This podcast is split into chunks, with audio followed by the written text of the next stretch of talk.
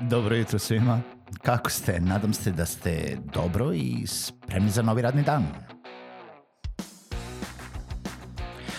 Pozdrav svima i dobrodošli na podcast Male pobede, stari novi podcast koji, well, koji je tu da bi vam kroz pitanje i savete dao motivaciju, pokrenuo vas u pozitivnom smeru i pomogao da ovaj dan počne bolje, jače i možda čak i zabavnije.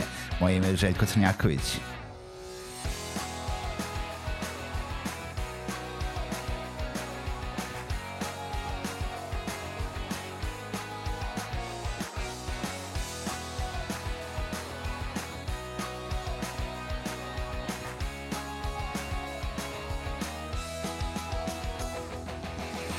Pozdrav svima, dobro jutro i dobrodošli u još jednu epizodu podcasta Male pobede. Moje ime, kao što je uved rekao, jeste Željko Crnjaković i još jednom hvala svima koji uh, slušaju ovaj podcast i koji su pratioci ovog podcasta.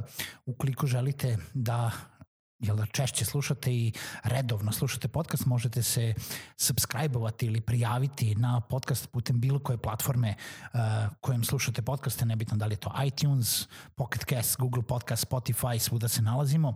Samo kliknite subscribe dugme i pišite mi uh, putem društvenih mreža ili putem maila malepobede.gmail.com ili putem komentara uh, na SoundCloudu kako vam se sviđaju epizode, da li biste hteli nešto drugo da čujete i realno teme iz preduzetništva i života uh, koje vas zanimaju. Uh, danas sam hteo da Uh, jel da se pozabavim pričom, u stvari pozabavim se pričom o priči koju ste slušali juče. Nadam se da vam se svidela jučerašnja priča pronedeljkom i zapravo to je bila jedna od realnih scena i života svih nas koji se bavimo na neki način projekt managementom ili na bilo koji način komuniciramo sa klijentima kada radimo neke kreativne projekte. E, siguran sam da se svima desilo da imaju nekog problematičnog klijenta, da imaju nekog klijenta koji traži neke izmene u zadnji čas, koji traži milion i koju izmenu nakon što ste vi poslali nešto ili koji jednostavno ne zna šta želi i jel, koji non stop daje neke komentare koji vama nisu jasni. I hteo bi da se pozabavim time u smislu kako vi rešavate te uh, problematične klijente, kako oni treba da se rešavaju i kako u stvari da možda odgovarate na te mailove, a tako da rezultat bude još uvijek profesionalan, još uvijek nekako podoban za vaše poslovanje i na kraju završite sa nebitno koliko je problematičan klijent, sa jednim sretnim uh, klijentom koji će možda nastaviti da radi usluge neke sa vama ili neke projekte sa vama ili koji će vam se vratiti u jednom trenutku.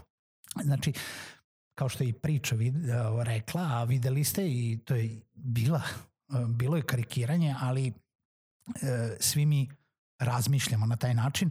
Veoma je lako početi sa negativnim komentarima i veoma je lako izgubiti takt, izgubiti nerve i početi se svađati na neki način. Naravno, to ni na koji način nije poželjno i preporučljivo kada, pogotovo kada vodite neki svoj biznis, pogotovo ako ste mala firma, pogotovo ako vodite neke projekte oko kojih uh, jel da, želite da nastavite poslovanje, nebitno da li sa tim klijentom ili sa nekim drugim klijentima, verujte mi, e, isto kao što je to u bilo kojem freelancerskom poslu, tako i kao u preduzetništvu, svaki vaš posljednji klijent jeste referenca za sledećeg klijenta i ukoliko na bilo koji način završite negativno sa tim klijentom, šanse su velike da će se to pročuti do sledećeg klijenta ili da će se to na neki način jel, da, sustići sa vama u nekom daljem vašem poslovanju. Tako da se uvek morate truditi da na neki način zadovoljite klijenta. Nebitno da li je to na uzajemno zadovoljstvo, mislim bilo bi idealno da je na uzajemno zadovoljstvo, ali da odredite taj projekat tako da klijent na kraju bude zadovoljan. E sada, kako da se vi nosite sa time kada znate da recimo je klijent izašao iz okvira koje ste dogovorili ili kada klijent jednostavno neće da razume ono što vi njemu preporučujete ili što vi njemu kažete. Pa moja prva preporuka za vas jeste da nikada ne budete negativni u vašim mailovima ili u vašoj komunikaciji. Pogotovo ukoliko radite sa stranim klijentima. Znači imajte na umu moje iskustvo rada šest godina sa američkim klijentima je pokazalo da e, pogotovo Amerikanci, a za naše podneblje je to možda malo fleksibilnije, ne, ne nose se dobro sa negativnim komentarima, negativnim tonom u vašoj komunikaciji. Što znači da vi uvek morate to da okrenete na neki način na pozitivno. Hvala na komentarima, hvala na preporukama, uh, imamo rešenje ili naći ćemo zajedničko rešenje i uvek treba da imate na umu da uh, nije ne, ne treba da kažete klijentu da je pogrešio, barem ne direktno.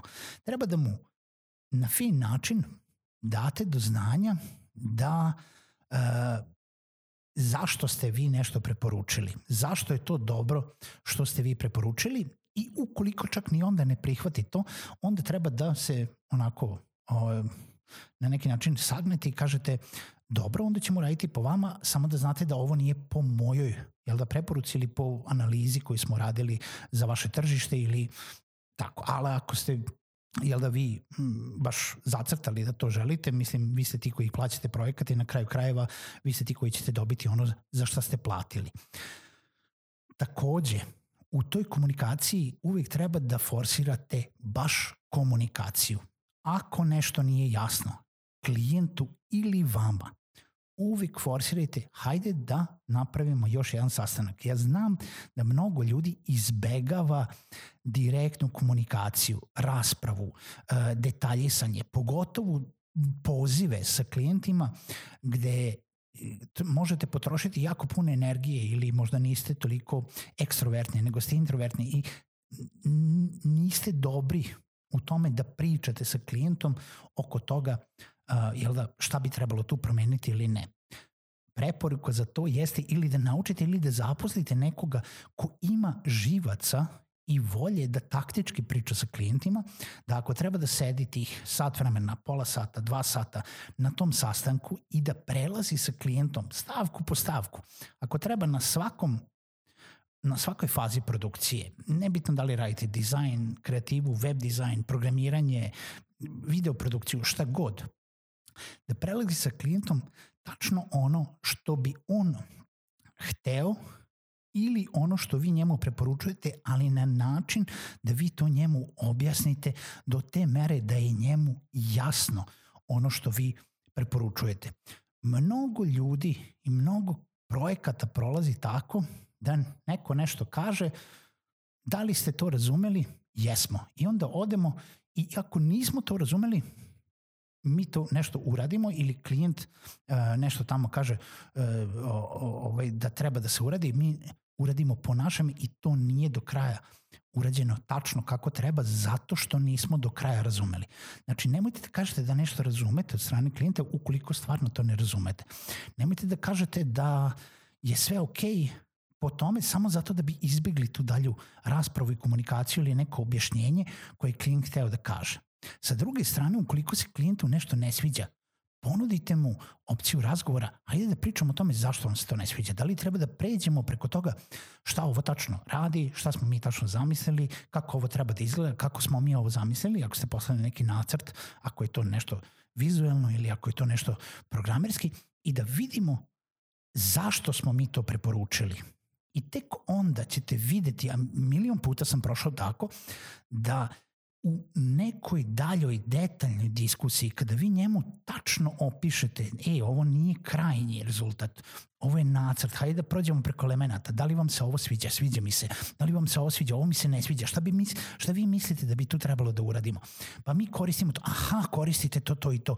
I onda zajednički dođete do nečega gde će klijent na kraju reći, wow, oni su mene saslušali. Vi treba da znate da svako želi da bude, jel da, da bude slušan, da se čuje njegov glas, da se njegovo mišljenje vredi, pogotovo klijenti koji jel da plaćaju za uslugu.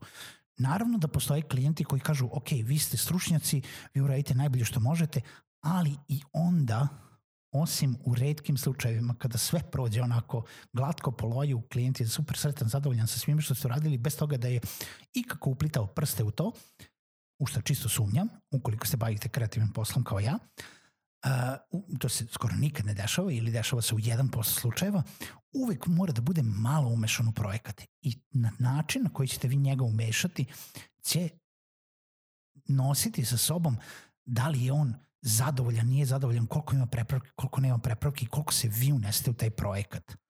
Znači, komunikacija otvorena, pozitivna, je nešto što će vam pomoći da prebrodite i one najgore, pod navodnicima, klijente koji stalno nešto hoće da menjaju, stalno nešto hoće. Naravno, vraćamo se na to što smo ponovili milion puta, uslovi poslovanja je nešto što treba da odradite na početku, jeste što čime treba sebe da obezbedite i da kažete u cenu naših usluga ulazi XY stvari. Sve preko toga je moguće da nosi određene dodatne troškove. I onda ste sami sebi stvorili izlaz da kada kažemo da hoće 100 prepravki koje ulaze u cenu, ok, 100 prepravki, 101. prepravka, samo da znate, ovo je 101. prepravka, može se desiti da uđemo u dodatne troškove, da li ste spremni za to? Da. I onda ništa nije problem, jer kao što uvek kažemo klijentima, mi ovo možemo da radimo 60 puta iz početka. Samo je pitanje vremena i para. Kako se vi odnosite sa klijente, koji su vama klijenti teški, kako se odnosite sa tim podnavodnicima teškim klijentima. Pišite mi, čujemo se u nekoj drugoj epizodi podcasta Male pobede.